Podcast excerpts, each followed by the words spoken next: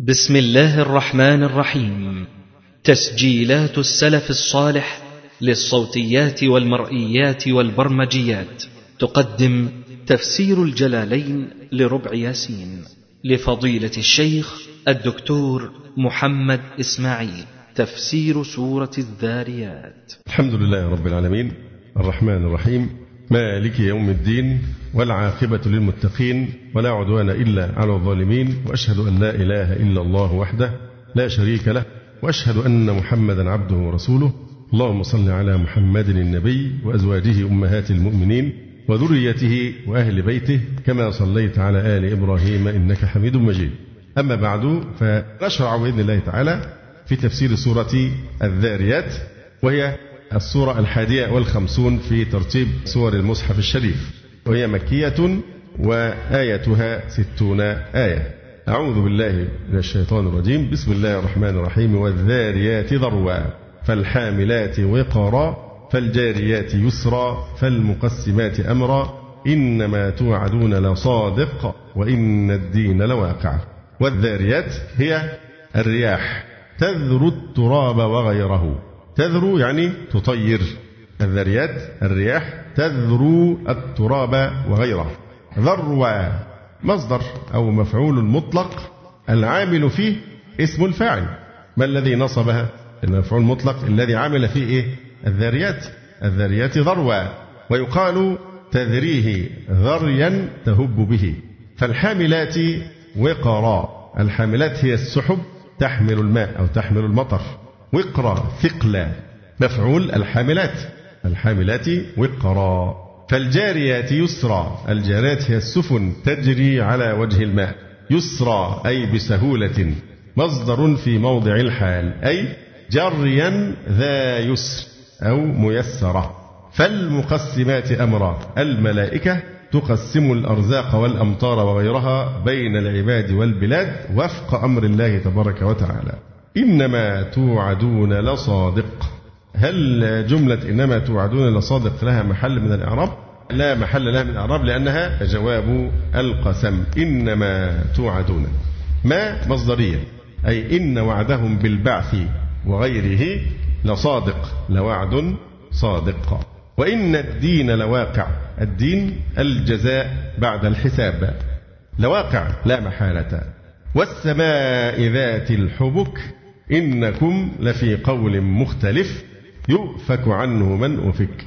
والسماء ذات الحبك الحبك أصلا في اللغة هو التكسر الذي يبدو على وجه الماء إذا ضربته الريح.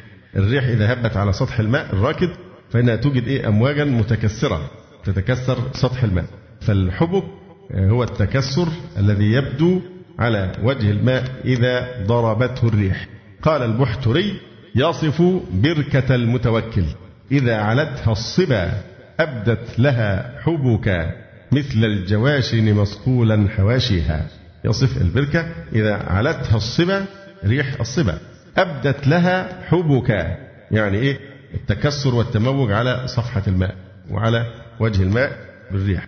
إذا علتها الصبا أبدت لها حبك. مثل الجواشن مصقولا حواشيها. والسماء ذات الحبك.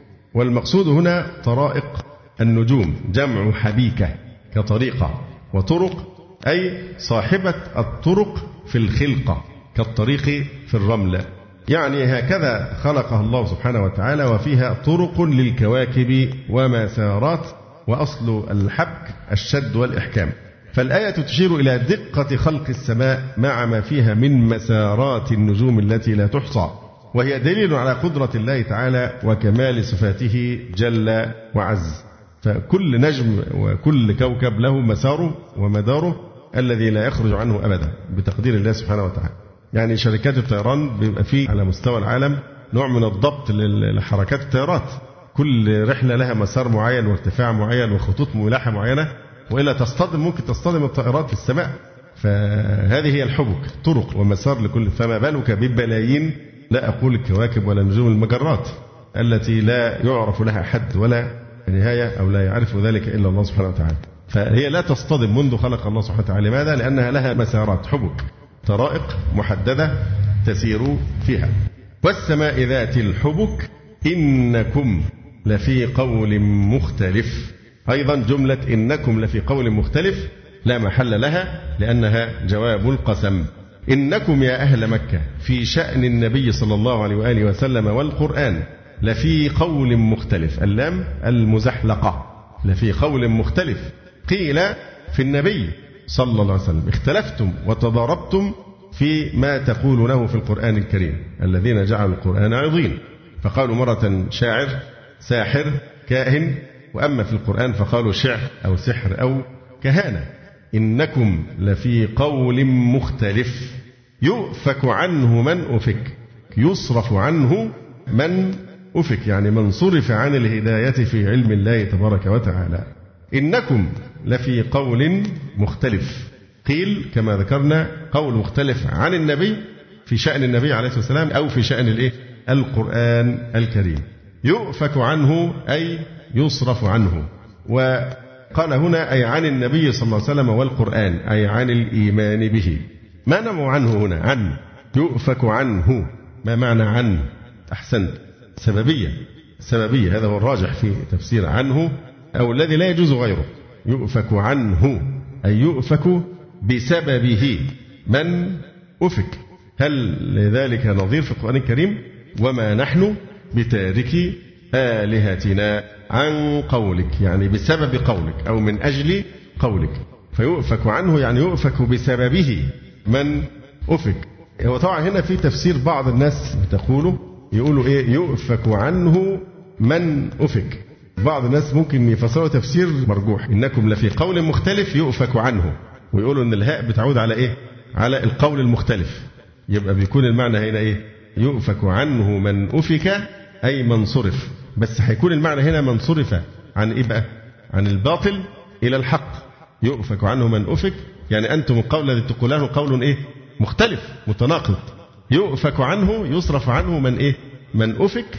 على أساس أن كلمة أفك عن كذا تطلق على أن يصرف الإنسان عن الباطل إلى الحق أو عن الحق إلى الباطل. وهذا مخالف لعرف القرآن الكريم. القرآن الكريم لم يرد به لفظ أفك عن كذا إلا للصرف عن الخير إلى الشر لا عكسه. لم يستعمل كلمة أفك من الإيه؟ أنه يتحول عن الشر إلى الخير. لكن أفك تستعمل في الصرف من الخير إلى الشر. فإذا القول بأن الهاء في قوله يؤفك عنه يعني عن القول المختلف الباطل من أفك أي من صرف عن الباطل إلى الحق قول بعيد ساقط.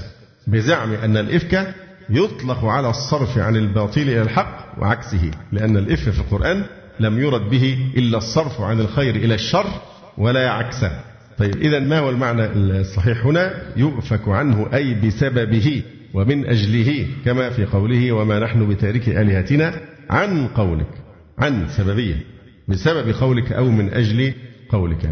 يؤفك عنه أي عن القول المختلف. من أفك؟ القول المختلف في إيه بقى؟ في القرآن أو في النبي صلى الله عليه وسلم. يؤفك عنه أي عن القول المختلف. من أفك أي يصرف عن الإيمان بالله ورسوله صلى الله عليه وسلم عنه أي عن ذلك القول أو بسبب ذلك القول المختلف من أفك من أفك أي من سبقت له الشقاوة في الأزل والعياذ بالله. فحرم الهدى وأفك عنه لأن هذا القول المختلف يكذب بعضه بعضا ويناقضه. ساحر شاعر كاذب كاهن إلى آخره فهو متناقض ومضطرب. فلا يصرف عن الإسلام بسببه. يعني القول المختلف هذا في القرآن وفي النبي صلى الله عليه وآله وسلم هو قول ساقط ولا يتأثر به إلا من سبقت عليه الشقاوة لأنه هو نفسه متناقض. ليس من شأنه أن يفتن أحدا لأنه كلام متهافت ساذج وكلام ساقط ومتعارض ومتناقض فكله باطل.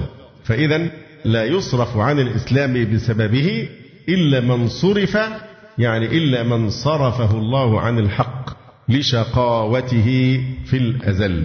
فمن لم يكتب عليه في سابق علم الله الشقاوة والكفر لا يصرفه عن الحق قول ظاهر الكذب والبطلان لتناقضه. يؤفك عنه أي يصرف عنه أي بسببه ومن أجله.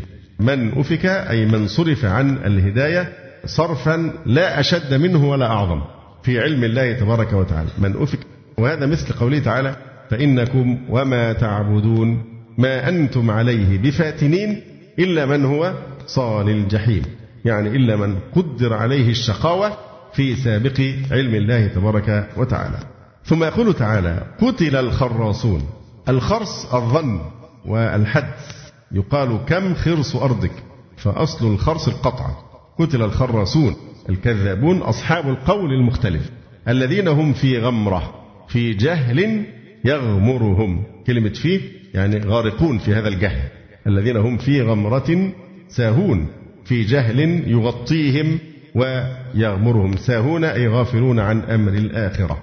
يسألون أيان يوم الدين.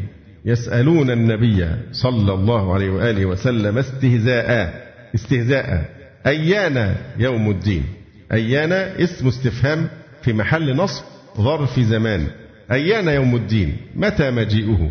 يعني استهزاء واستبعادا. وجوابهم يجيء. في قوله تعالى يوم هم على النار يفتنون. أنتم تسألون متى يوم الدين؟ متى مجيئه؟ الجواب يوم هم على النار يفتنون أي يعذبون فيها. لأن لفظة الفتنة تستعمل أيضا للتعبير عن العذاب. ويقال لهم حين التعذيب ذوقوا فتنتكم ذوقوا تعذيبكم. هذا أي هذا العذاب هذا الذي كنتم به تستعجلون في الدنيا استهزاء. إن المتقين في جنات وعيون جنات بساتين وعيون تجري فيها. آخذين ما آتاهم ربهم آخذين حال من الضمير. في خبر إن إن المتقين في جنات وعيون آخذين حال من الضمير في خبر إن آخذين ما آتاهم أي ما أعطاهم ربهم أي من الثواب. إنهم كانوا قبل ذلك يعني قبل دخولهم الجنة محسنين في الدنيا. كانوا قليلا من الليل ما يهجعون. هذه الجملة أيضا لا محل لها من الإعراب لأنها جملة تفسيرية لأن هذه الجملة تفسير لإحسانهم.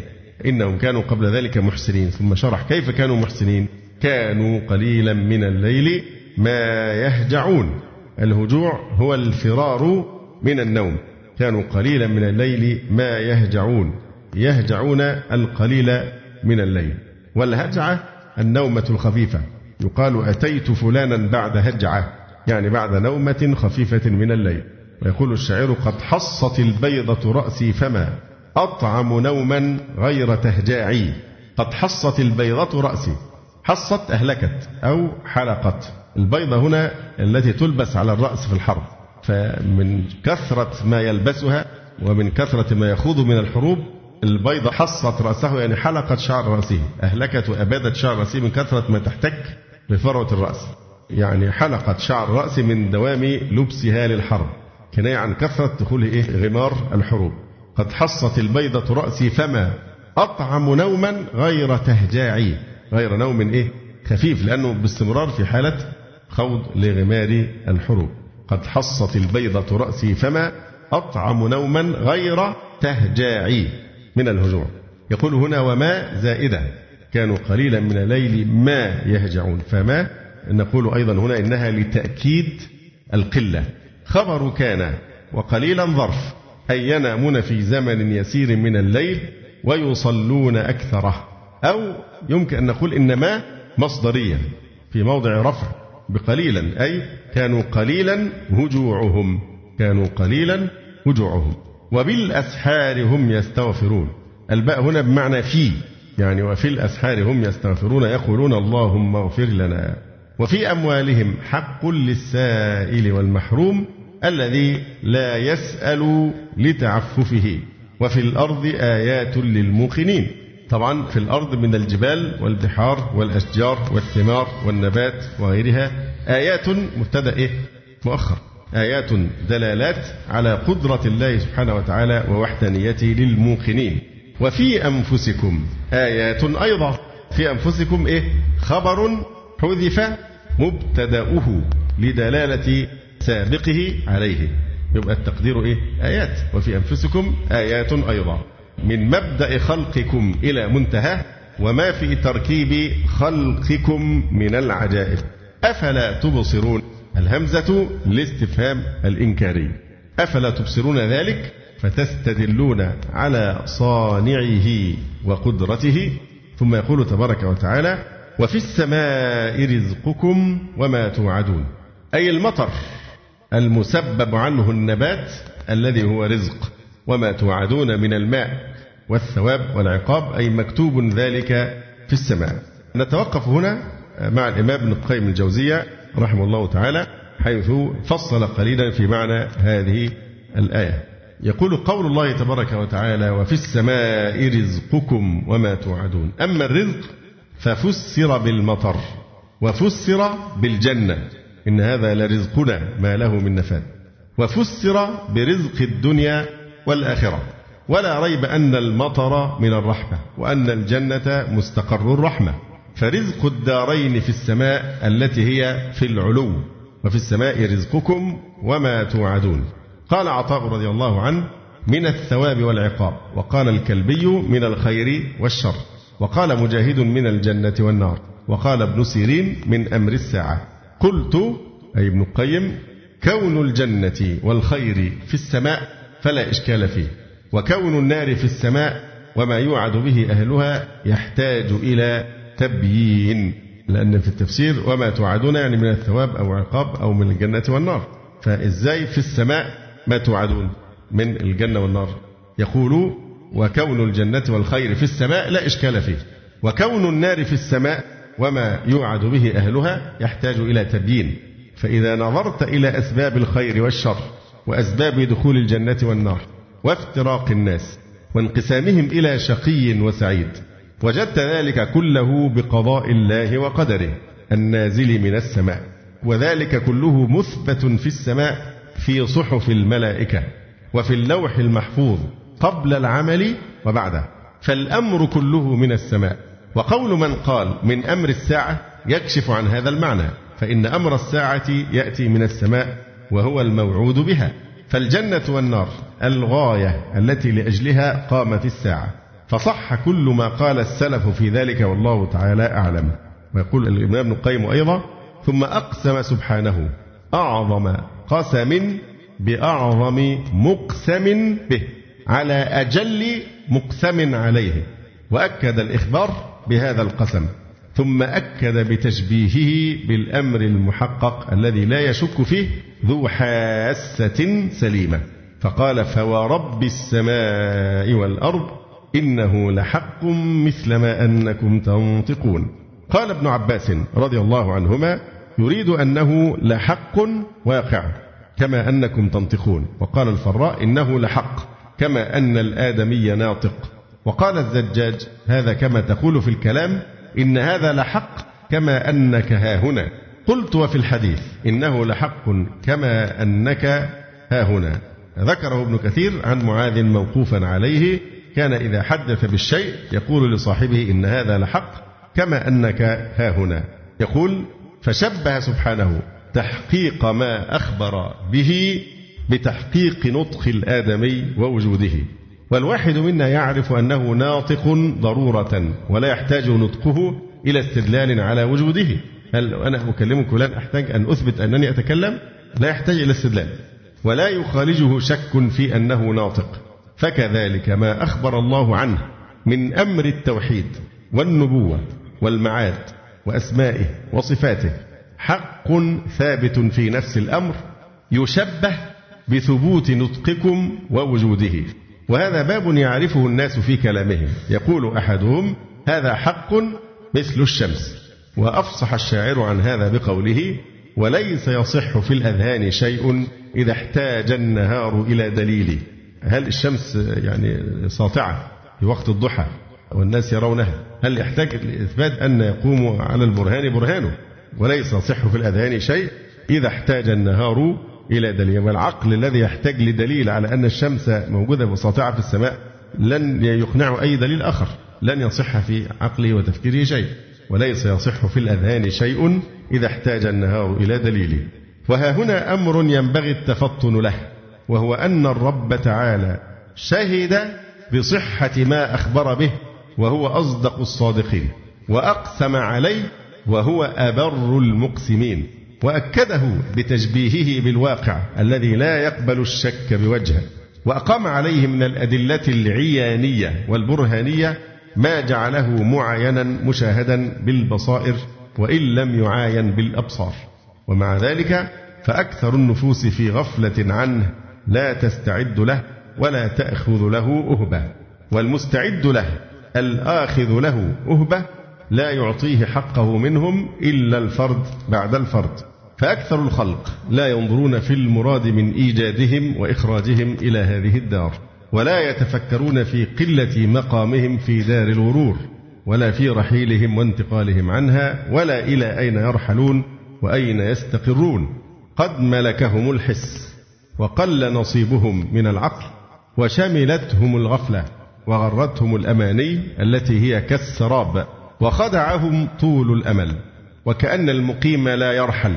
وكأن أحدهم لا يبعث ولا يسأل وكأن مع كل مقيم توقيعا من الله لفلان ابن فلان بالأمان من عذابه والفوز بجزيل ثوابه. فأما اللذات الحسية والشهوات النفسية كيفما حصلت فإنهم حصلوها ومن أي وجه لاحت أخذوها. غافلين عن المطالبة آمنين من العاقبة. يسعون لما يدركون ويتركون ما هم به مطالبون ويعمرون ما هم عنه منتقلون ويخربون ما هم إليه صائرون وهم عن الآخرة هم غافلون. ألهتهم شهوات نفوسهم فلا ينظرون في مصالحها ولا يأخذون في جمع زادها في سفرها. نسوا الله فأنساهم أنفسهم أولئك هم الفاسقون. والعجب كل العجب من غفلة من تعد عليه لحظاته. وتحصى عليه أنفاسه ومطايا الليل والنهار تسرع به ولا يتفكر إلى أين يحمل ولا إلى أي منزل ينقل. وكيف تنام العين وهي قريرة ولم تدر في أي المحلين تنزل؟ وإذا نزل بأحدهم الموت قلق لخراب ذاته وذهاب لذاته لا لما سبق من جناياته ولا لسوء منقلبه بعد مماته. فإن خطرت على أحدهم قطرة من ذلك اعتمد العفو أو الرحمة وكان يتيقن أن ذلك نصيبه ولا بد. فلو أن العاقل أحضر ذهنه ما استحضر عقله وسار بفكره وأمعن النظر وتأمل الآيات لفهم المراد من إيجاده ولنظرت عين الراحل إلى الطريق ولأخذ المسافر في التزود والمريض في التداوي والحازم ما يجوز أن يأتي. فما الظن بأمر متيقن؟ كما أنه لصدق إيمانهم وقوة إيقانهم وكأنهم يعاينون الأمر. فأضحت ربوع الإيمان من أهلها خالية ومعالمه على عروشها خاوية. قال ابن وهب أخبرني مسلم بن علي عن الأوزاعي. قال كان السلف إذا طلع الفجر أو قبله كأنما على رؤوسهم الطير مقبلين على أنفسهم حتى لو أن حبيبا لأحدهم غاب عنه حينا ثم قدم لما التفت إليه. فلا يزالون كذلك إلى طلوع الشمس ثم يقوم بعضهم إلى بعض فيتخلفون بأول ما يقتضون فيه أمر معادهم وما هم صائرون إليه ثم يأخذون في الفقه. الجزء السابق هذا موجود في كتاب التبيان في أقسام القرآن. قال ابن القيم في موضع آخر في حاد الأرواح قوله تعالى وفي السماء رزقكم وما توعدون قال ابن أبي نجيح عن مجاهد هو الجنة وكذلك تلقاه الناس عنه وعن مجاهد أيضا قال هو الجنة والنار وما توعدون الجنة والنار وهذا يحتاج إلى تفسير فإن النار في أسفل السافلين ليست في السماء ومعنى هذا ما قاله في رواية ابن أبي نجاح عنه وقاله أبو صالح عن ابن عباس وما توعدون الخير والشر كلاهما يأتي من السماء. وعلى هذا فالمعنى أسباب الجنة والنار بقدر ثابت في السماء من عند الله. وفي السماء رزقكم وما توعدون إشارة إلى القدر من الله سبحانه وتعالى بالجنة والنار. يقول الجلال المحلي قوله تعالى فورب السماء والأرض إنه أي ما توعدون لحق اللام المزحلقة مثل ما أنكم تنطقون برفع مثل صفة يعني مثل وما زائدة وبفتح اللام مركبة مع ما والمعنى مثل نطقكم في حقيقيته. أي معلوميته عندكم ضرورة لا تشكون فيه كما لو أن صدوره عنكم. وهنا من البلاغة فن القسم. الفاء طبعا فورب السماء الفاء استئنافية والواو حرف قسم وجر. فورب السماء والأرض إنه لحق. مثل ما أنكم تنطقون. هذا هو فن القسم وهو أن يريد المتكلم الحلف على شيء فيحلف بما يكون فيه فخر له أو تعظيم لشأنه أو تنويه لقدره أو ما يكون ذما لغيره وهكذا. فهنا أقسم سبحانه بقسم يوجب الفخر لتضمنه التمدح بأعظم قدرة وأجل عظمة. فورب السماء والأرض إنه لحق مثل ما أنكم تنطقون. يعني لا تشكون في أن صدوره عنكم أو كما لو أن صدوره عنكم. ثم قال تعالى هل أتاك حديث ضيف إبراهيم المكرمين؟ إذ دخلوا عليه فقالوا سلاما. قال سلام قوم منكرون. قوله تعالى هل أتاك الخطاب للنبي صلى الله عليه وسلم؟ أي قد أتاك بإخبارنا. فهل هنا حرف استفهام؟ طبعا والاستفهام هنا تقريري ومعناه التفخيم والتنبيه. على أن الحديث ليس من علم رسول الله صلى الله عليه وسلم وإنما عرفه بالوحي. هل أتاك؟ وأتاك ما إعراب الكاف ممكن تكون الإجابة صح لكن ناقصة. أيوة مفعول به مقدم لأن الفاعل جاي بعدين ضيفه. فهل أتاك حديثه الفاعل حديثه يبقى أتاك مفعول به مقدم. فالاستفهام هنا استفهام تقريري المقصود به التفخيم والتنبيه وفائدته أيضا أن تجتمع نفس المخاطب. كما تبدأ المرأة إذا أردت أن تحدثه بحديث عجيب فتقرره هل سمع ذلك أم لا؟ سمعت آخر الأخبار؟ مثلا كي يقول لك إيه؟ لا. فأنت تسأله بهذا السؤال لتجتمع أو لتجذب كل انتباهه ليتهيأ لأن يقول لك لا لم أسمع لأنك تقتضي أن يقول لا ويطلب منك الحديث. فأخبرني هل أتاك حديث ضيف إبراهيم المكرمين؟ فهل تقريرية؟ ولذلك قال هنا في تفسيرها قد أتاك حديث ضيف إبراهيم المكرمين. وهم ملائكة اثنا عشر أو عشرة أو ثلاثة منهم جبريل عليه السلام. وضيف تطلق على الواحد والجماعة كما في إيه؟ نظائرها في القرآن خصف أيضا أو الطفل الذين لم يظهروا على عورات النساء. فضيف للواحد والجماعة لأنه في الأصل مصدر كالزور والصوم وقد يجمع على أضياف وضيوف وضيفان. أما الضيفا فهو من يجيء مع الضيف متطفلا. هل أتاك حديث ضيف إبراهيم المكرمين إذ دخلوا عليه؟ إذ ظرف لحديث ضيف. إذ دخلوا عليه فقالوا سلاما ما إعراب سلاما؟ نعم. مفعول مطلق استغنى عن فعله لأنه سد مسده. فكلمة سلاما تغنينا عن وجود الفعل لأن التقدير إيه؟ نسلم عليك سلاما. فقالوا سلاما أي قالوا هذا اللفظ. قال سلام أي هذا اللفظ. أما سلام ما إعرابها؟ مبتدأ ويمكن إنسان آه، المبتدأ يبقى نكرة. نعم لماذا؟ لماذا ساغ الابتداء بقوله سلام مع أنه نكرة؟ لتضمنه معنى الدعاء. طيب عدل إلى الرفع بالابتداء. لقصد الثبات وديمومة السلام. سلام ما يكونش في عنصر الزمن. لإفادة ديمومة السلام حتى تكون تحيته أحسن من تحيتهم. يعني هم تحياتهم قالوا سلاما نسلم عليك سلاما. فجاء جوابه سلام أو سلام يعني عليكم.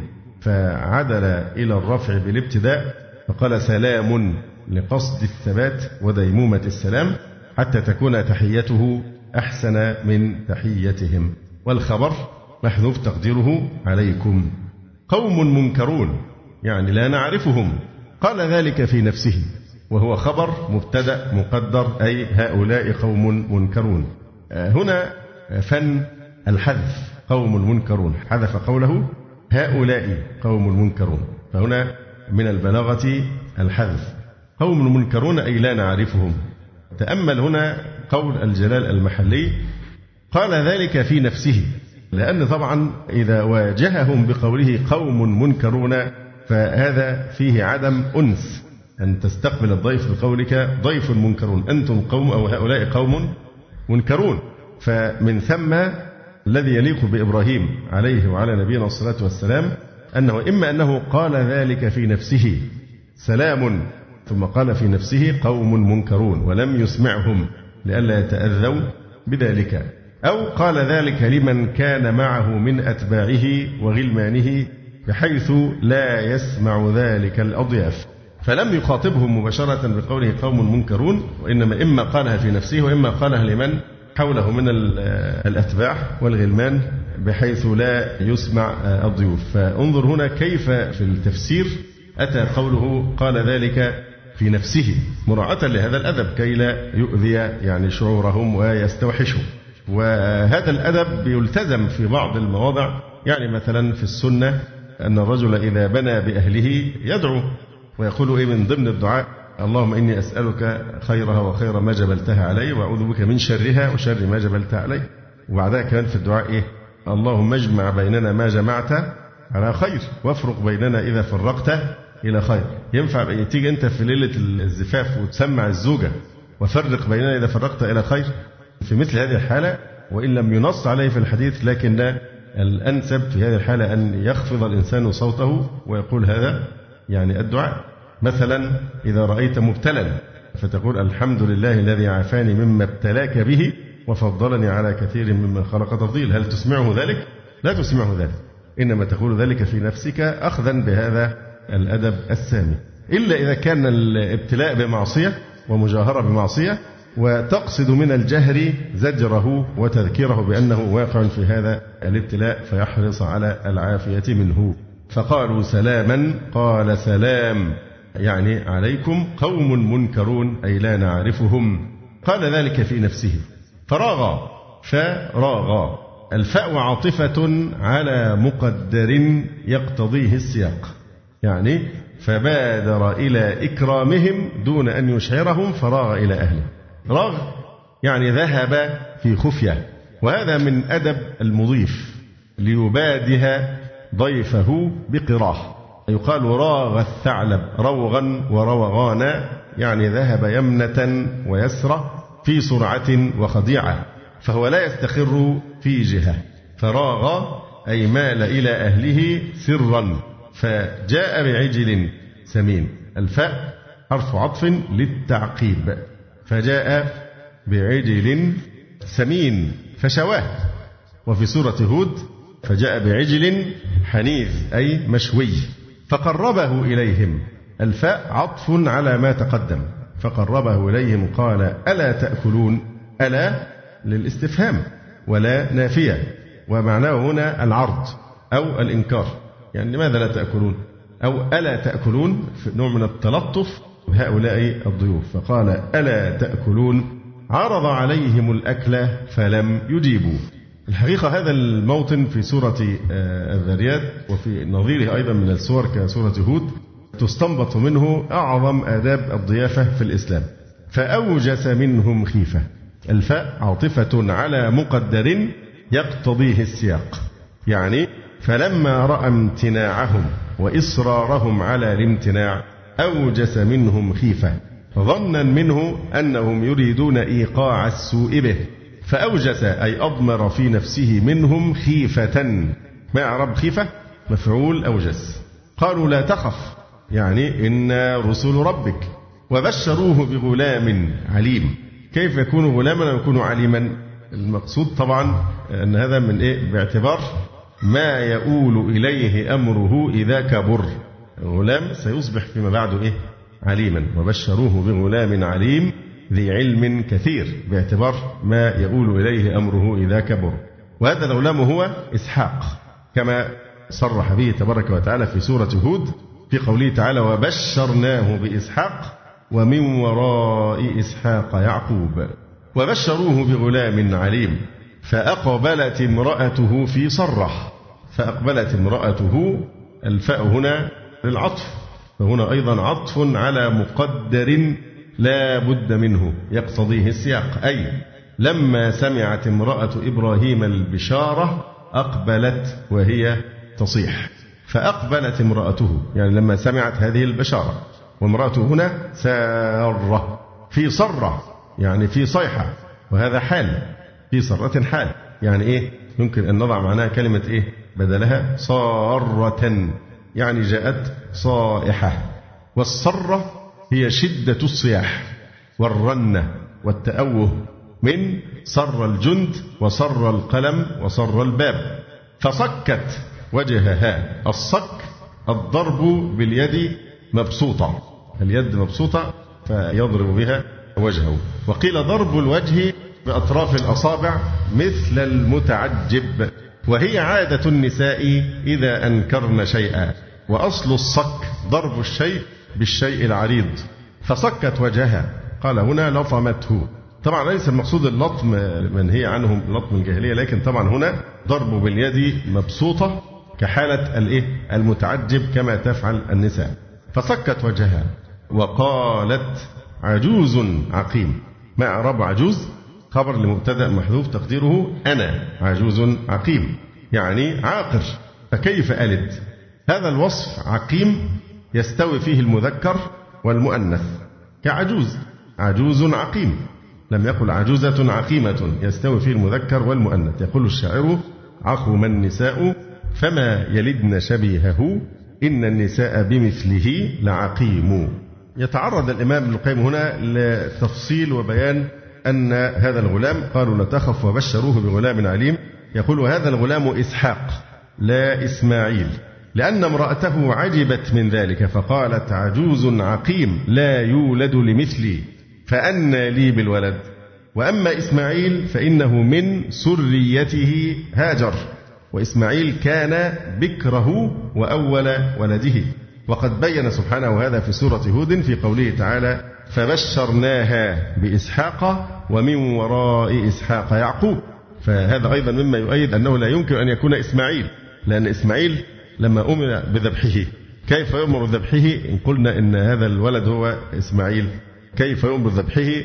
في حين أنه يعلم في حالة إسحاق أنه سيعيش ويولد له. لأنه قال فبشرناه بإسحاق يعني الذي يكبر ويتزوج ويولد له ومن وراء إسحاق يعقوب. يبقى إذا هنا لا معنى للابتلاء في حق إسحاق بالذبح إنما الابتلاء كان في حق إسماعيل عليه السلام. وطبعا القصة واحدة قصة في سورة هود هي التي في سورة الذريات فالغلام العليم هنا يراد به إسحاق وامرأته هي سارة. وقوله تبارك وتعالى فأقبلت امرأته في صرة فصكت وجهها يقول الإمام ابن القيم فيه بيان ضعف عقل المرأة وعدم ثباتها. يشير هنا إلى أن غلبت العاطفة والانفعال على المرأة إذ بادرت إلى الندبة أو الصيحة فصكت الوجه عند هذا الإخبار. وقالت عجوز عقيم يقول ابن القيم فيه حسن أدب المرأة عند خطاب الرجال واقتصارها من الكلام على ما يتأدى به الحاجة فإنها حذفت المبتدأ. يعني تختصر في كلام بقدر المستطاع مع الرجال. لم تقل أنا عجوز عقيم لا يولد لمثلي وقصة طويلة. وإنما قالت عجوز عقيم. اقتصرت على ما يؤدى به الحاجة. واقتصرت على ذكر السبب الدال على عدم الولادة. لم تذكر غيره وهو عقيم. أما في سورة هود فذكرت السبب المانع منها ومن إبراهيم وصرحت بالعجب. فذكرت سبب المانع قالت يا ويلتى أألد؟ فهنا تعجبت أألد وأنا عجوز فهذا السبب الذي يرجع إليها. وهذا بعلي شيخا وهو إبراهيم عليه السلام فذكرت في سورة هود السبب منها والسبب من آه، زوجها وأيضا صرحت بالتعجب يا ويلتى أألد وأنا عجوز وهذا بعلي شيخا. فأقبلت امرأته في صرة فصكت وجهها وقالت عجوز عقيم. لم تلد قط وعمرها تسع وتسعون سنة وعمر إبراهيم مئة سنة. قاله مجاهد أو عمره مئة وعشرون سنة وعمرها تسع وتسعون سنة وقيل غير ذلك والله تعالى أعلم. قالوا كذلك أي مثل قولنا في البشارة. قال ربك إنه هو الحكيم العليم. قالوا كذلك ما إعراب كذلك؟ أحسنت. كذلك هذا جار ومجرور في موضع نصب صفة لمصدر محذوف أي قولا مثل الذي قلنا. قالوا كذلك أي مثل قولنا في البشارة. قال ربك إنه هو الحكيم. الحكيم خبر أول لإن الحكيم في صنعه العليم بخلقه. العليم خبر ثان قال فما خطبكم أيها المرسلون؟ الفاء الفصيحة. لأنها أفصحت عن شرط مقدر. يعني إن كنتم ملائكة كما تقولون. إن كنتم ملائكة كما تقولون فما شأنكم؟ فمن ثم هذه الفاء هي الفصيحة. والخطب في الأصل تطلق على الأمر الجلل ومنه الخطبة لأن الخطبة كلام بليغ يستهدف أمورا جليلة. فمعنى ما خطبكم يعني ما شأنكم أيها المرسلون. قالوا إنا أرسلنا إلى قوم مجرمين كافرين أي قوم لوط عليه السلام لنرسل عليهم حجارة من طين. اللام للتعليل لنرسل عليهم حجارة من طين من طين نعت لإيه؟ لحجارة في محل نصب. لنرسل عليهم حجارة من طين يطبخ في النار حتى يصلب وهو السجيل لنرجمهم به. مسومة عند ربك للمسرفين. مسومة وإعرابها صفة ثانية. حجارة من طين أول صفة مسومة إيه؟ آه صفة ثانية لحجارة. مسومة يعني معلمة من السومة. السومة هي العلامة. مسومة أي معلمة عليها اسم من يرمى بها. عند ربك ظرف لها.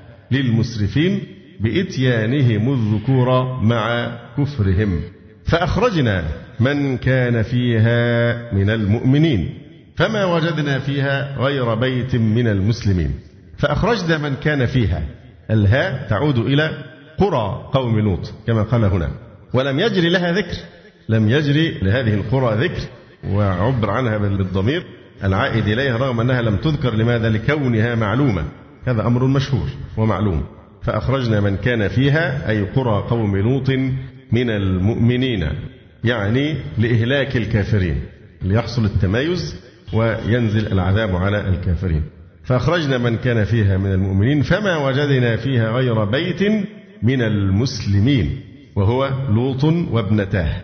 وصفوا بالإيمان والإسلام أي هم مصدقون بقلوبهم عاملون بجوارحهم الطاعات. هنا يقول الإمام ابن القيم رحمه الله تعالى فأخرجنا من كان فيها من المؤمنين فما وجدنا فيها غير بيت من المسلمين. فرق بين الإسلام والإيمان هنا لسر اقتضاه الكلام. فإن الإخراج هنا عبارة عن النجاة. يعني فأخرجنا من كان فيها يعني فنجينا من كان فيها من المؤمنين. فالإخراج هنا يعبر عن الإنجاء فهو إخراج نجاة من العذاب. ولا ريب أن هذا مختص بالمؤمنين المتبعين للرسل ظاهرا وباطنا. فما وجدنا فيها غير بيت من المسلمين. لما كان الموجودون من المخرجين أوقع اسم الإسلام عليهم. فهنا وصف بوصف الإسلام وهو وصف أعم من الإيمان لأن امرأة لوط كانت من أهل هذا البيت وهي مسلمة في الظاهر. فكانت في البيت الموجودين. فما وجدنا فيها غير بيت من المسلمين. لأن البيت هنا يشمل من ضمن ما يشمل إيه؟ أيضا زوجة لوط عليه السلام. فهي كانت في البيت الموجودين لا في القوم الناجين. وقد أخبر سبحانه عن خيانة امرأة لوط وخيانتها أنها كانت تدل قومها على أضيافه وقلبها معهم وليست خيانة فاحشة. فكانت من أهل البيت المسلمين ظاهرة وليست من المؤمنين الناجين. ومن وضع دلالة القرآن وألفاظه مواضعها تبين له من أسراره وحكمه ما يبهر العقول ويعلم أنه تنزيل من حكيم حميد. وبهذا خرج الجواب عن السؤال المشهور وهو أن الإسلام أعم من الإيمان. فكيف استثناء الأعم من الأخص؟ وقاعدة الاستثناء تقتضي العكس. وتبين أن المسلمين المستثنين مما وقع عليه فعل الوجود والمؤمنين غير مستثنين منه بل هم المخرجون الناجون. فأخرجنا من كان فيها من المؤمنين فما وجدنا فيها غير بيت من المسلمين. وتركنا فيها يعني بعد إهلاك الكافرين آية علامة على إهلاكهم للذين يخافون العذاب الأليم فلا يفعلون مثل فعلهم.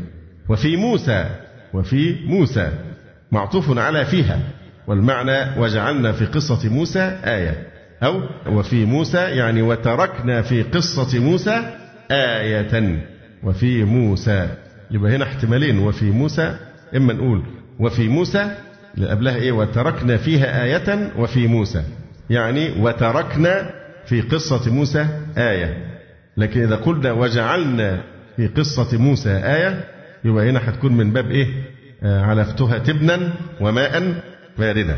وفي موسى إذ أرسلناه إلى فرعون بسلطان مبين. الباء هنا للملابسة يعني متلبسا بسلطان مبين بحجة واضحة لأن السلطان في القرآن الكريم دائما تأتي بمعنى حجة حجة وعلم وبرهان. فتولى بركنه فتولى أعرض عن الإيمان أعرض وازور وانحرف راكبا رأسه. فتولى بركنه يعني مع جنوده لأنهم له كالركن. فالركن هو الجانب الذي يعتمد عليه والركن الجانب الأقوى والأمر العظيم. وما يقوى به من ملك وجند وغيره وأيضا الركن العز والمنع. رحم الله لوطا لقد كان يأوي إلى ركن شديد. فتولى أي أعرض عن الإيمان بركنه مع جنوده لأنهم له كالركن إن فرعون وهامان وجنودهما كانوا خاطئين. وقال أي لموسى يعني قال عن موسى وقال ساحر أي هو ساحر أو مجنون.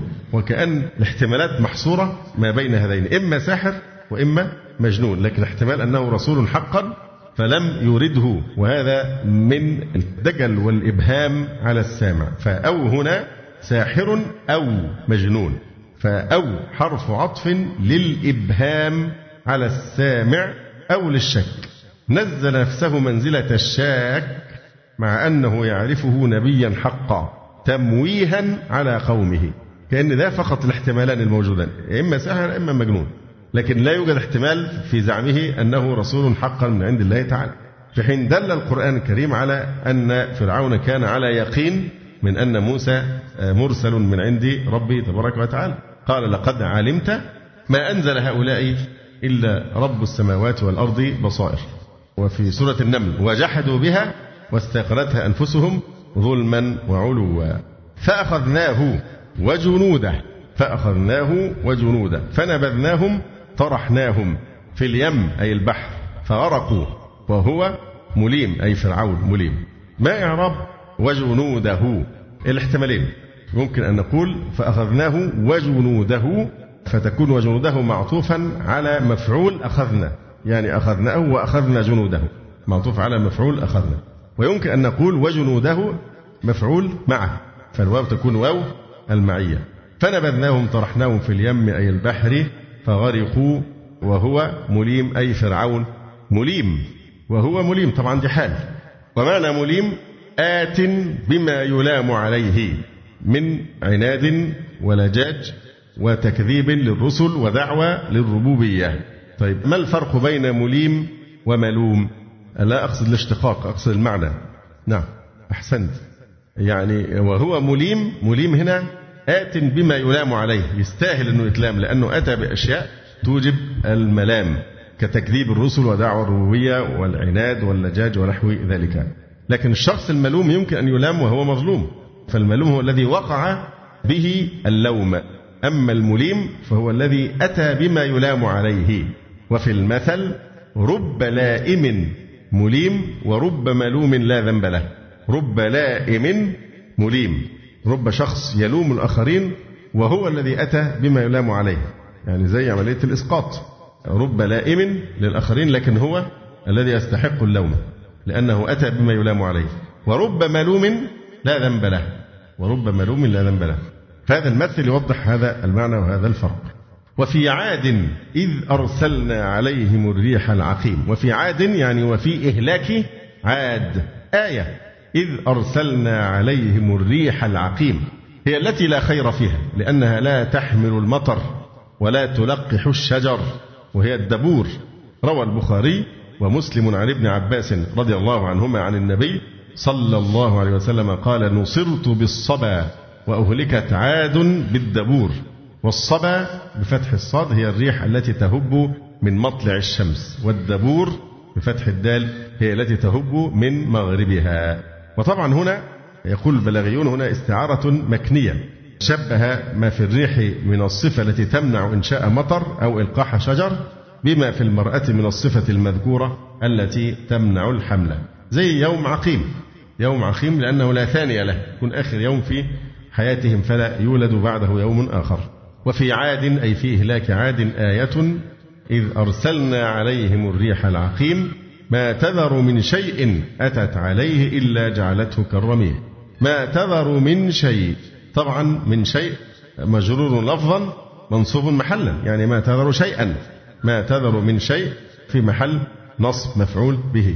ما تذر من شيء أي نفس أو مال. أتت عليه ما إعراب أتت عليه. أتت. آه صفة لشيء. أتت عليه. إلا أداة حصر. إلا جعلته كالرميم أي البالي المتفتت. طيب ما إعراب كالرميم؟ أحسنت. لإيه بقى؟ جعلته. ما تذر من شيء يعني ما تذر شيئا. أتت عليه. إلا جعلته الهاء مفعول به أول رميما. أو كالرميم دي مفعول به ثاني. فهي في محل نصب مفعول ثان لجعلته كالرميم أي البالي المتفتت. وفي ثمود يعني وفي إهلاك ثمود آية إذ قيل لهم بعد عقرهم الناقة تمتعوا حتى حين حتى حرف غاية وجر وحين مجرور بحتى. يعني تمتعوا إلى انقضاء آجالكم. كما في قوله تعالى تمتعوا في داركم ثلاثة أيام. فعتوا عن أمر ربهم فعتوا الفاء حرف عطف للترتيب الإخباري. الترتيب هنا مجرد الإيه؟ الإخبار. لكن هل هم عتوا بعد ما قيل لهم تمتعوا حتى حين؟ لا الفاء هنا عطف للترتيب الإخباري مجرد الإخبار ليس لترتيب الوقوع. لأن العتو حصل أولا فاستوجبوا. العقاب لكن هنا في سياق الترتيب الإخباري يخبر عن شيء عقب شيء كإخبار فقط. فلذلك قلنا الفاء حرف عطف للترتيب الإخباري. فعتوا تكبروا عن أمر ربهم أي عن امتثاله. فأخذتهم الصاعقة بعد مضي الثلاثة أيام أي الصيحة المهلكة. فالصاعقة هي التي تقع من السماء والصاعقة التي تصقع الرؤوس. والصعقة هي الصوت الذي يكون عن الصاعقة. يقول الراجز لاح سحاب فرأينا برقة ثم تدانى فسمعنا صعقة والصاعقة هنا صيحة العذاب. فأخذتهم الصاعقة أي الصيحة المهلكة وهم ينظرون الواو حالية ينظرون أي بالنهار. فما استطاعوا من قيام. طبعا ليه قال بالنهار؟ لأنه قال تمتعوا في ذلكم إيه؟ ثلاثة أيام. فأخذتهم الصاعقة وهم ينظرون يعني جاءتهم في النهار. فما استطاعوا من قيام أي ما قدروا على النهوض حين نزول العذاب. وما كانوا منتصرين على من أهلكهم. وقوم نوح من قبل إذا قرأناها بالجر وقوم نوح فتكون عطفا على ثمود. يعني وفي ثمود وقوم نوح. يبقى دي قراءة الجر عطف على ثمود لأن ثمود مجرور. وقوم نوح يعني وفي إهلاكهم بما في السماء والأرض آية. أما إذا قرأنا يبقى وقوم نوح يعني وفي إهلاك قوم نوح بما في السماء والأرض آية. أما بالنصب وقوم نوح. وهي قراءة حفص. وقوم نوح من قبل. يبقى التقدير هيكون إيه؟ وأهلكنا قوم نوح من قبل أي قبل إهلاك هؤلاء المذكورين. إنهم كانوا قوما فاسقين. هل هذه الجملة لها محل من إعراب؟ لا محل لها لأنها تعليل لإهلاكهم. إنهم كانوا قوما فاسقين. ثم يقول تبارك وتعالى والسماء بنيناها بأيد وإنا لموسعون والسماء بنيناها. ما إعراب السماء؟ منصوب على الاشتغال لأن السياق وبنينا السماء بنيناها. فالواو حرف عطف والسماء بنيناها بأيد. الباء تفيد معنى التلبس يعني متلبسين بأيد. يعني بقوة. وإنا لموسعون ما نوع اللام؟ المزحلقة. وإنا لموسعون أي قادرون. يقال آد الرجل يئيد قويا. وأوسع الرجل صار ذا سعة وقوة. وإنا لموسعون هنا من الإيه؟ من الوسع. والوسع هو الطاقة. والموسع القوي على الإنفاق على الموسع قدره وعلى المقتر قدره. فالموسع القوي القادر على الإنفاق. يقال أوسع الرجل إذا صار ذا سعة وغنى. والسماء بنيناها بأيد وإنا لموسعون أي قادرون. والأرض فرشناها أي مهدناها. والأرض فرشناها فنعم الماهدون. نحن. فنعمة نعمة. فعل ماض جامد لإنشاء المدح. فنعم الماهدون. الماهدون فاعل نعمة. والمخصوص بالمدح نحن. لذلك ذكرها في التفسير. فنعم الماهدون نحن. ومن كل شيء وهذا متعلق بقوله خلقنا يعني وخلقنا من كل شيء. خلقنا زوجين صنفين كالذكر والأنثى والسماء والأرض والشمس والقمر والسهل والجبل والصيف والشتاء والحلو والحامض والنور والظلماء لعلكم تذكرون بحذف إحدى التائين من الأصل. أصلها لعلكم تتذكرون فحذفت إحدى التائين في قراءة أخرى لعلكم تذكرون وأصلها تتذكرون. وفي قراءة بتجديدها لعلكم تذكرون. فتعلمون أن خالق الأزواج فرد فتعبدونه. ففروا إلى الله إني لكم منه نذير مبين. ففروا الفاء الفصيحة. يعني إذا علمتم أن الله تعالى فرد لا نظير له ولا نديد ففروا إليه ووحدوه ولا تشركوا به شيئا. ففروا إلى الله أي إلى ثوابه من عقابه بأن تطيعوه ولا تعصوه.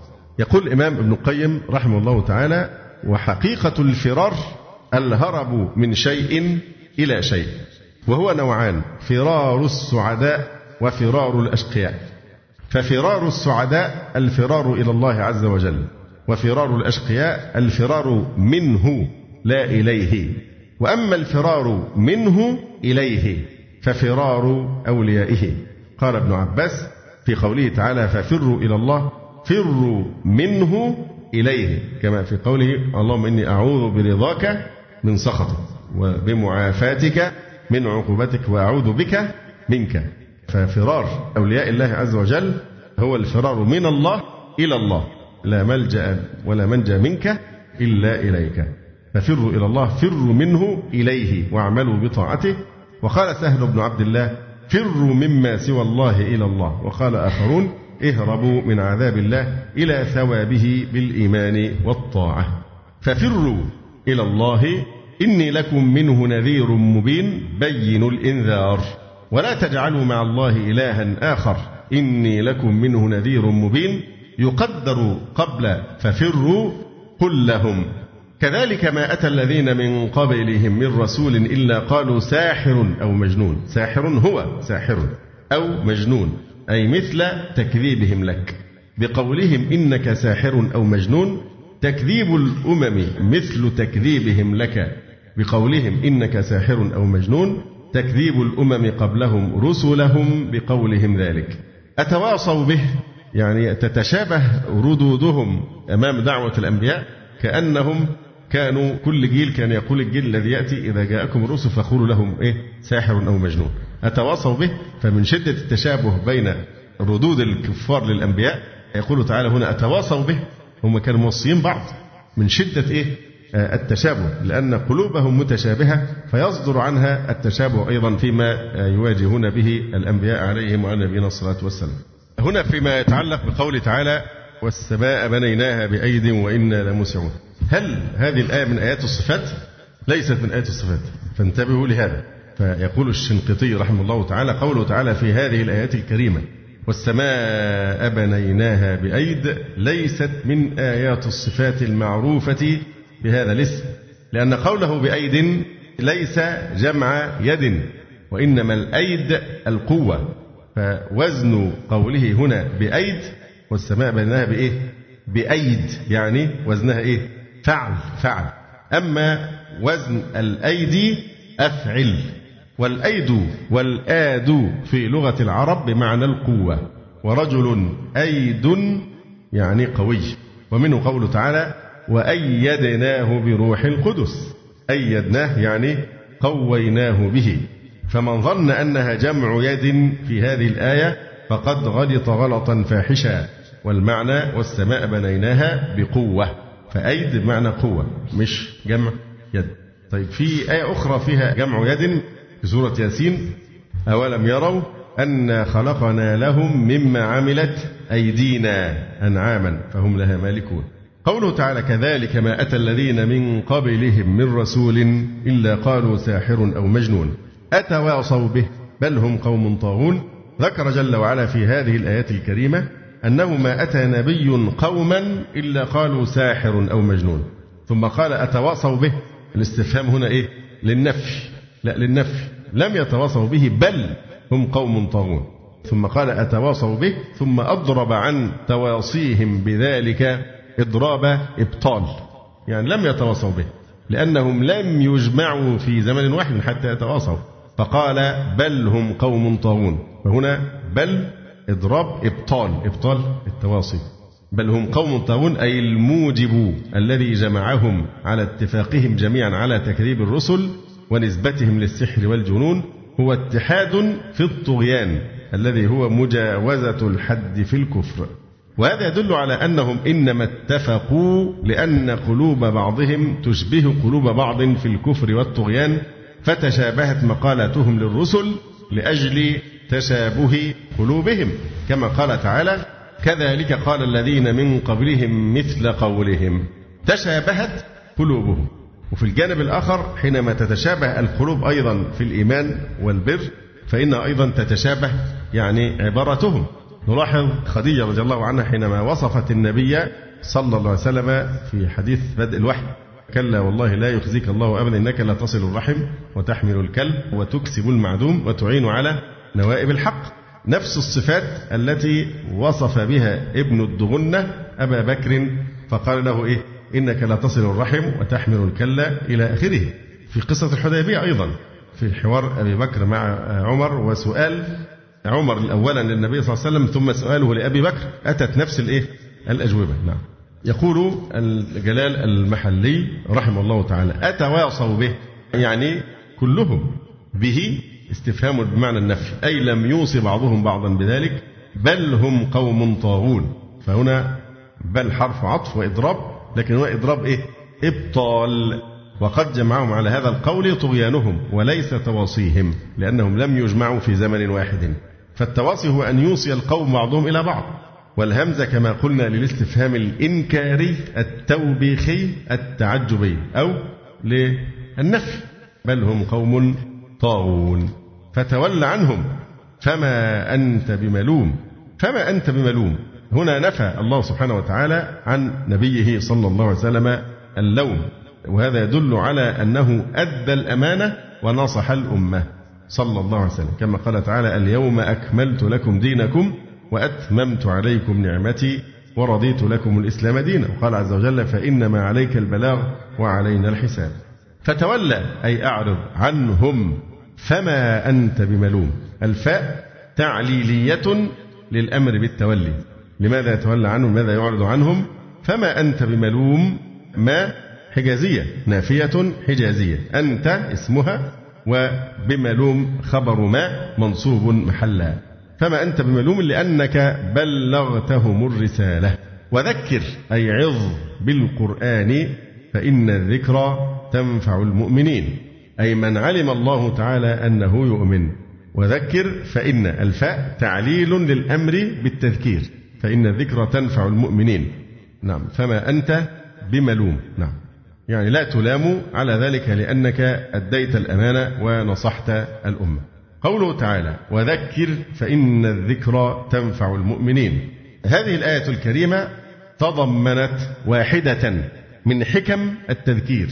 وهي رجاء انتفاع المذكر به.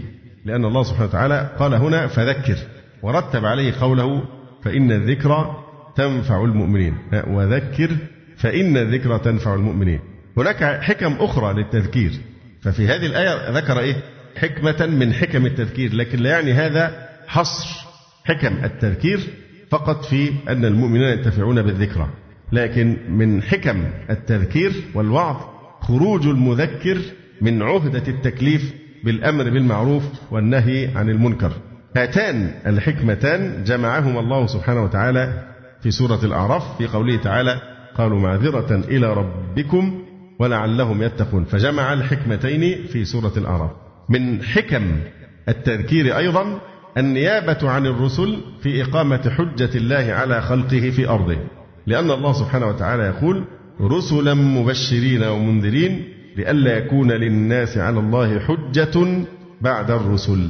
بين هذه الحجة في آخر سورة طه حين قال تعالى ولو أن أهلكناهم بعذاب من قبله لقالوا ربنا لولا أرسلت إلينا رسولا فنتبع آياتك من قبل أن نذل ونخزى.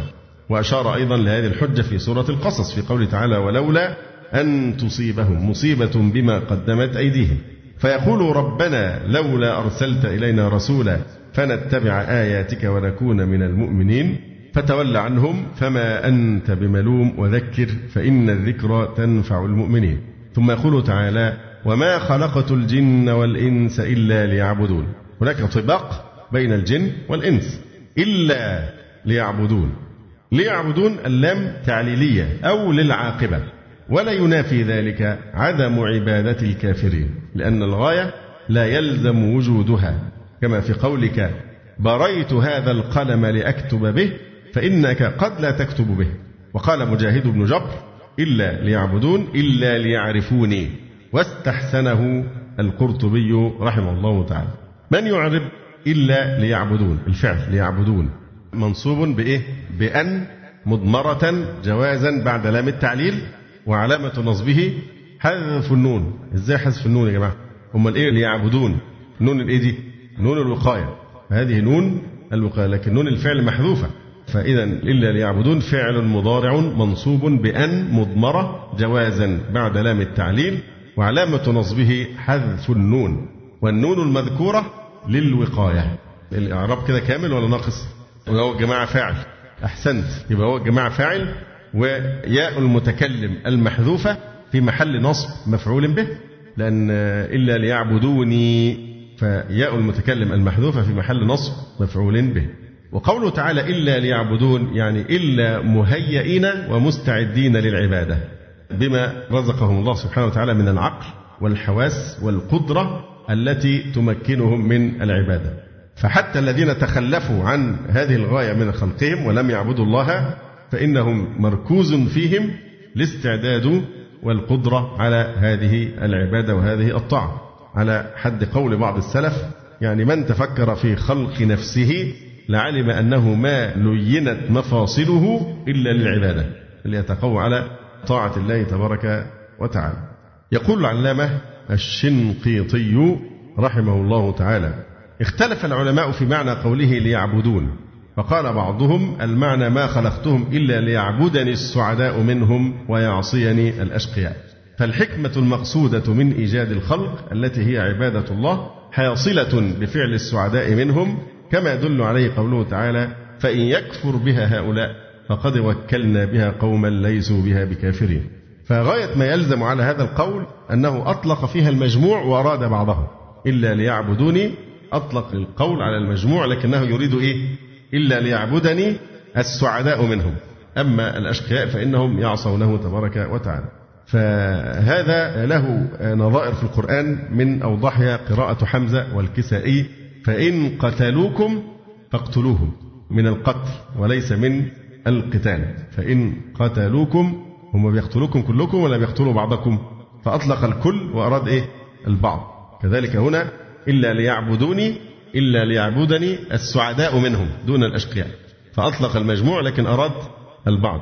وفي قراءة فإن قتلوكم فاقتلوهم. دي مش على قراءة ثانية فإن قاتلوكم فاقتلوهم. لا على قراءة إيه؟ فإن قتلوكم هل هم يقتلون جميع المسلمين أم يقتلون بعضهم؟ بعضهم. فمثلا من الشواهد هنا في العربية قول الشاعر فسيف بني عبس وقد ضربوا به نبى من يدي ورقاء عن رأس خالدي. نسب الضرب لبني عبس مع أنه صرح أن الضارب الذي نبى بيده السيف عن رأس خالد يعني ابن جعفر الكلابية وهو ورقاء ابن زهير العبسي. فسيف بني عبس وقد ضربوا به. فكلمة ضربوا أضاف للمجموع لكل بني عبس لكن الشطر الثاني يدل على أنه يقصد إيه؟ شخصا واحدا. نبى من يدي ورقاء عن رأس خالد كذلك أيضا قالت الأعراب آمنا. فأطلق على الأعراب جميعا لكن يريد بعضهم بدليل قوله ومن الأعراب من يؤمن بالله واليوم الآخر إلى قوله سيدخلهم الله في رحمته إن الله غفور رحيم. إذا هذا هو التفسير الأول إلا ليعبدوني أي إلا ليعبدني السعداء منهم. القول الثاني إلا ليعبدون أي إلا ليقروا لي بالعبودية طوعا أو كرها لأن المؤمن يطيع باختياره والكافر مذعن منقاد لقضاء ربه جبرا عليه. ويدل له قوله تعالى ولله يسجد من في السماوات والأرض طوعا أو كرها. والسجود والعبادة كلاهما خضوع وتذلل لله عز وجل. ودلت الآية على أن بعضهم يفعل ذلك طوعا وبعضهم يفعله كرها. فمعنى إلا ليعبدون أي إلا ليقروا لي بالعبودية طوعا أو كرها. أما مجاهد ففسرها إلا ليعبدون إلا ليعرفوني. ويستدل بهذا القول بقوله تعالى ولئن سألتهم من خلقهم ليقولن الله.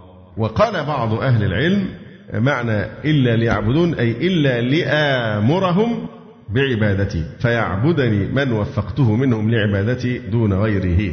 إذا إرادة عبادتهم المدلول عليها باللام في قوله ليعبدون إرادة دينية شرعية وهي الملازمة للأمر وهي عامة لجميع من أمرتهم الرسل لطاعة الله لا إرادة كونية قدرية لأنها لو كانت كذلك لعبده جميع الجن والإنس والواقع خلاف ذلك بدليل قوله قل يا أيها الكافرون لا أعبد ما تعبدون ولا أنتم عابدون ما أعبد.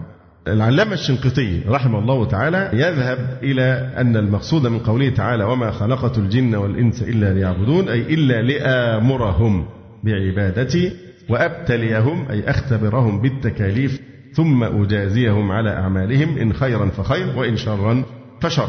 يقول وإنما قلنا إن هذا هو التحقيق في معنى الآية لأنه تدل عليه آيات محكمات من كتاب الله عز وجل. فقد صرح تعالى في آيات من كتابه أنه خلقهم ليبتليهم أيهم أحسن عملا وأنه خلقهم ليجزيهم بأعمالهم. قال تعالى في أول سورة هود وهو الذي خلق السماوات والأرض في ستة أيام وكان عرشه على الماء ثم بين الحكمة ليبلوكم أيكم أحسن عملا. وقال تعالى في أول الملك الذي خلق الموت والحياة ليبلوكم يختبركم أيكم أحسن عملا. وقال في أول الكهف إنا جعلنا ما على الأرض زينة لها لنبلوهم أيهم أحسن عملا. فهذه هنا تصريح بحكمة خلقه الخلق وهي ابتلاؤهم أيهم أحسن عملا وهذا يفسر قوله تعالى وما خلقت الجن والإنس إلا ليعبدون وخير ما يفسر به القرآن القرآن. ومعلوم أن نتيجة العمل المقصودة منه لا تتم إلا بجزاء المحسن بإحسانه والمسيء بإساءته. ولذا صرح تعالى بأن حكمة خلقهم أولا وبعثهم ثانيا هو جزاء المحسن بإحسانه والمسيء بإساءته. قال في أول يونس إنه يبدأ الخلق ثم يعيده ليجزي الذين آمنوا وعملوا الصالحات بالقسط والذين كفروا لهم شراب من حميم وعذاب أليم بما كانوا يكفرون. وقال في النجم ولله ما في السماوات وما في الأرض ليجزي الذين أساءوا بما عملوا ويجزي الذين أحسنوا بالحسنى. وأنكر تبارك وتعالى على الإنسان حسبانه وظنه أنه يترك سدى أي, أي مهملا لم يؤمر ولم ينهى. وبين أنه ما نقله من طور إلى طور حتى أوجده إلا ليبعثه بعد الموت أي ويجازيه على عمله. أيحسب الإنسان أن يترك سدى؟ ألم يكن نطفة من مني يمنى ثم كان علقة فخلق فسوى فجعل منه الزوجين الذكر والأنثى. أليس ذلك بقادر على أن يحيي الموتى؟ سبحانك فبلى. فالبراهين الدالة على البعث تدل أيضا على الجزاء. وقد نزه الله سبحانه وتعالى نفسه عن هذا الظن الذي ظنه الكفار به تعالى وهو أنه لا يبعث الخلق ولا يجازيهم منكرا ذلك عليهم في قوله أفحسبتم أنما خلقناكم عبثا وأنكم إلينا لا ترجعون فتعالى الله الملك الحق لا إله إلا هو رب العرش الكريم.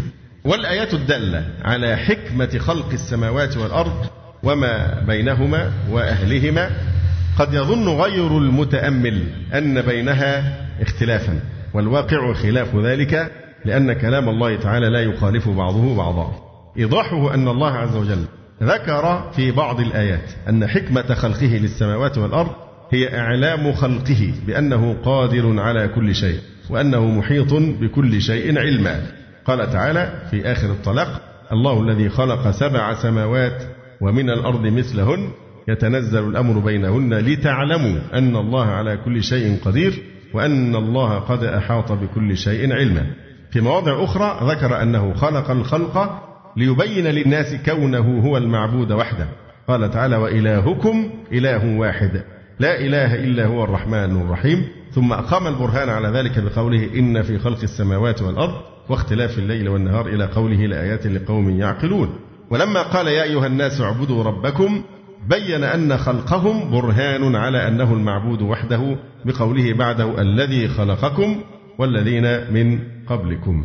والاستدلال على أن المعبود واحد بكونه هو الخالق كثير جدا في القرآن الكريم. قال تعالى وخلق كل شيء فقدره تقديرا واتخذوا من دونه آلهة لا يخلقون شيئا. في سورة الرعد قال أم جعلوا لله شركاء خلقوا كخلقه فتشابه الخلق عليهم قل الله خالق كل شيء. أيضا في بعض الآيات بين أن الحكمة من خلق الناس أو خلق السماوات والأرض هي أن يبتلي الناس. وهو الذي خلق السماوات والأرض في ستة أيام وكان عرشه على الماء ليبلوكم أيكم أحسن عملا. وقال أيضا آه، مبينا أن الحكمة هي خلقهم ليجازيهم بأعمالهم. إنه يبدأ الخلق ثم يعيده ليجزي الذين آمنوا وعملوا الصالحات بالقسط. في هذه الآية في سورة الذاريات ذكر أنه ما خلق الجن والإنس إلا ليعبدوه فقد يظن غير العالم أن بين هذه الآيات اختلافا مع أنها لا اختلاف بينها لأن الحكم المذكور فيها كلها راجع إلى شيء واحد وهو معرفة الله وطاعته ومعرفة وعده ووعيده. فقوله لتعلموا أن الله على كل شيء قدير وقوله اعبدوا ربكم الذي خلقكم راجع إلى شيء واحد هو العلم بالله لأن من عرف الله أطاعه ووحده. فالتكليف يأتي بعد العلم والجزاء يأتي بعد التكليف.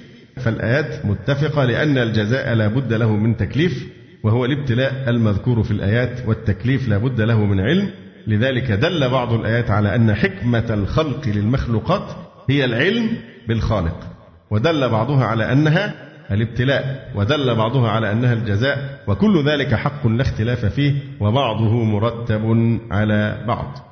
قوله تبارك وتعالى وما خلقت الجن والإنس إلا ليعبدون ما أريد منهم من رزق لي ولأنفسهم وغيرهم وما أريد أن يطعمون يعني ولا أنفسهم ولا غيرهم إن الله هو الرزاق ذو القوة المتين إن الله هو هو ضمير فصل لا محل له هو الرزاق ذو القوة خبر ثان المتين خبر ثالث والمتين يعني الشديد. فسيقت الآية لبيان عظمته تبارك وتعالى وبيان أن شأنه مع عبيده لا يقاس به شأن عبيد الخلق معهم. فإن عبيدهم مطلوبون بالخدمة والتكسب للسادة وبواسطة مكاسب عبيدهم قدر الله أرزاقهم والله تعالى لم يطلب من عباده رزقا ولا طعاما وإنما يطلب منهم عبادته ليس غير. وزيادة على كونه لا يطلب منهم رزقا فإنه هو الذي يرزقهم. ما أريد منهم من رزق وما أريد أن يطعمون. إن الله هو الرزاق ذو القوة المتين. فإن للذين ظلموا ذنوبا مثل ذنوب أصحابهم. الفاء الفصيحة لأن المعنى إذا عرفت حال الكفرة الآلف الذكر فإن للذين ظلموا يعني أنفسهم بالكفر من أهل مكة وغيرها ذنوبا مثل ذنوب أصحابهم. ذنوبا أي نصيبا وافرا من العذاب مثل ذنوب أي مثل نصيب أصحابهم الهالكين قبلهم. فلا يستعجلون يعني فلا يستعجلوني بالعذاب إن أخرتهم إلى يوم القيامة. والفاء هنا عاطفة لترتيب النهي عن الاستعجال. وقوله مثل ذنوب أصحابهم يعني مثل أنصباء أصحابهم الهالكين وهم نظراؤهم من الأمم المحكية فلا يستعجلون. أيضا النون هنا نون الوقاية لأن اللا ناهية فالفعل مجذوب بحذف النون والنون موجودة نون الوقاية وأيضا المفعول به الياء محذوف. قوله تعالى فإن للذين ظلموا ذنوبا. الذنوب هو الدلو العظيمة الممتلئة ماء أو القريبة من الامتلاء والدلو الذي له ذنب وهو يؤنث ويذكر. لنا ذنوب ولكم ذنوب. فإن أبيتم فلنا القليب. مش عاجبكم؟ هناخد البئر كله نفسنا لنا ذنوب يعني لنا نصيب ولكم ذنوب. فإن أبيتم فلنا القليب. وقال علقمة ابن عبدة للحارث الغساني وكان أخوه شأس أسيرا عنده. قال يمدح الملك يعني وفي كل حي قد خبطت بنعمة فحق لشأس من نداك ذنوب. فحق لشأس أخي الأسير من نداك من كربك ذنوب يعني نصيب من الكرم أن تعتقه. فقال الملك نعم وأطلقه وفي كل حي قد خبطت بنعمة. فحق لشأس من نداك ذنوب أي نصيبه فلفظ الذنوب استعيرت للنصيب مطلقا. أي نصيب يطلق عليه ذنوب سواء كان خيرا أو شرا. شرا كالنصيب من العذاب في هذه الآية فإن الذين ظلموا ذنوبا أي نصيبا من الشر طبعا مثل من العذاب يعني مثل ذنوب أصحابهم المهلكين. أو خيرا كما في العطاء في قول عمرو بن شأس أو في قول علقمة وفي كل حي قد خبطت بنعمة فحق لشأس من نداك ذنوب هنا نصيب من الإيه؟ من الخير. والذنوب مأخوذ من مقاسمة السقاة الماء بالذنوب فيعطى لهذا ذنوب ولآخر مثله. فويل للذين كفروا من يومهم الذي يوعدون. فويل الفاء عاطفة لترتيب ثبوت الويل. فويل شدة عذاب للذين كفروا من يومهم الذي يوعدون. نلاحظ هنا أن الجلال المحلي فسر من بمعنى إيه؟ في. فويل الذين كفروا من يومهم قال في يومهم الذي يوعدون أي يوم القيامة. طبعا من يومهم دي صفة لإيه؟ لويل. وقرر الجلال المحلي كما رأينا أنها بمعنى في صاحب المغني اللبيب ذكر أن كلمة من لها خمسة عشرة معنى من المعاني لها خمسة عشر معنى. فمن ضمن معاني من أنها تأتي بمعنى في ومن ذلك قوله تبارك وتعالى يا أيها الذين آمنوا إذا نودي للصلاة من يوم الجمعة يعني إيه؟ في يوم الجمعة. كذلك المحلي ذهب هنا إلى قوله فويل الذين كفروا من يومهم يعني في يومهم الذي يوعدون أي يوم القيامة هذا التفسير إن اليوم هنا يوم القيامة مناسب لصدر السورة. صدر السورة إيه؟ إنما توعدون لصادق وإن الدين لواقع ومناسب لقوله تعالى إن عذاب ربك لواقع ما له من دافع إلى آخره. لكن بعض المفسرين قالوا إن اليوم المقصود هنا به يوم بدر فويل الذين كفروا من يومهم أي يوم بدر الذي يوعدون وهذا يناسبه ما قبله. يناسبه قوله فإن للذين ظلموا ذنوبا مثل ذنوب أصحابهم فلا يستعجلون. فنصيبهم هو الإهلاك وإهلاك الكفار آه، في يوم بدر كان في الدنيا في يوم بدر. فكلمة يوم لها احتمالان إما أنها يوم بدر ويناسبه قوله قبلها إيه؟ فإن الذين ظلموا ذنوبا مثل ذنوب أصحابهم فلا يستعجلون.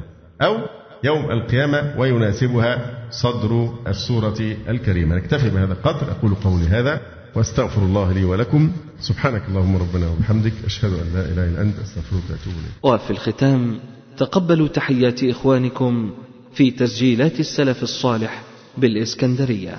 هاتف رقم صفر ثلاثة فاصل أربعة تسعة أربعة سبعة ستة خمسة اثنان. وتليفون محمول صفر عشرة واحد ستة أربعة واحد تسعة ثمانية صفر. والسلام عليكم ورحمة الله وبركاته.